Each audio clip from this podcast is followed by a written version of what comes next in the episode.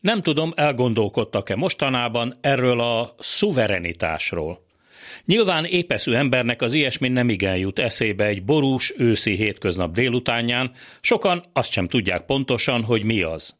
Azt meg végképp nem, hogy ugyan miért kellene ezt a bizonyos szuverenitást megvédeni, és főleg kitől. A szó maga egyébként latin eredetű, superánus, azaz felső vagy felsőbb szóból került a franciába.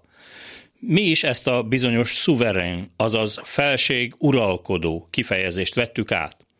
Lényegében a független állam ismertető jegyei közé tartozik, kiegészülve az állam területének, határainak és lakosságának sérthetetlenségével. Ennyi a száraz államjogi meghatározás. Az 1949-es magyar alkotmányban még úgy szerepelt, hogy idézem, a magyar népköztársaság területén minden hatalom a dolgozó népé. 1989-től már úgy olvashattuk, hogy a magyar köztársaság területén minden hatalom a népé. Talán nem véletlen, hogy a 2011-es Orbán Szájer féle alaptörvényben erről már csak egy homályos utalást találunk, hogy a közhatalom forrása a nép. Forrása, de nem birtokosa. A hatalom ugyanis másé, legalábbis szerintük. Ezt a hatalmat akarja most minden lehetséges erővel és eszközzel megvédeni Kocsis Máté és gazdája a miniszterelnök. Nem téved nagyot, aki úgy gondolja, túlságosan erős a hasonlóság Joseph McCarthy, amerikai szenátorral és a rossz emlékű Amerika ellenes tevékenységet vizsgáló bizottsággal. Az 50-es évek hidegháborús boszorkányüldözése oda vezetett, hogy az Egyesült Államokban olyan tudósok, művészek és közéleti személyiségek kerültek fekete listára, mint Albert Einstein, Charlie Chaplin, Otto Klemperer, Thomas Mann, Paul Robson vagy éppen Arthur Miller. Ma sem büszke erre a korszakra az Egyesült Államok lakóinak többsége.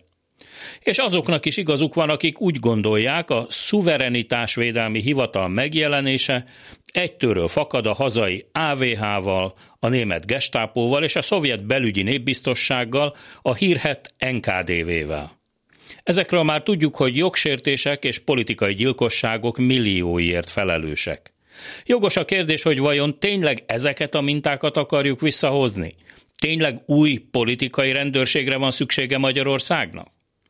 Jobb esetben pusztán egy újabb bürokratikus vízfejet hoznak létre, amelyben ismét állami apanáshoz lehet juttatni a holdutvar nemzeti árváit. Hasonlóan a Migráció Kutatóhoz és a Magyarság Kutató Intézethez.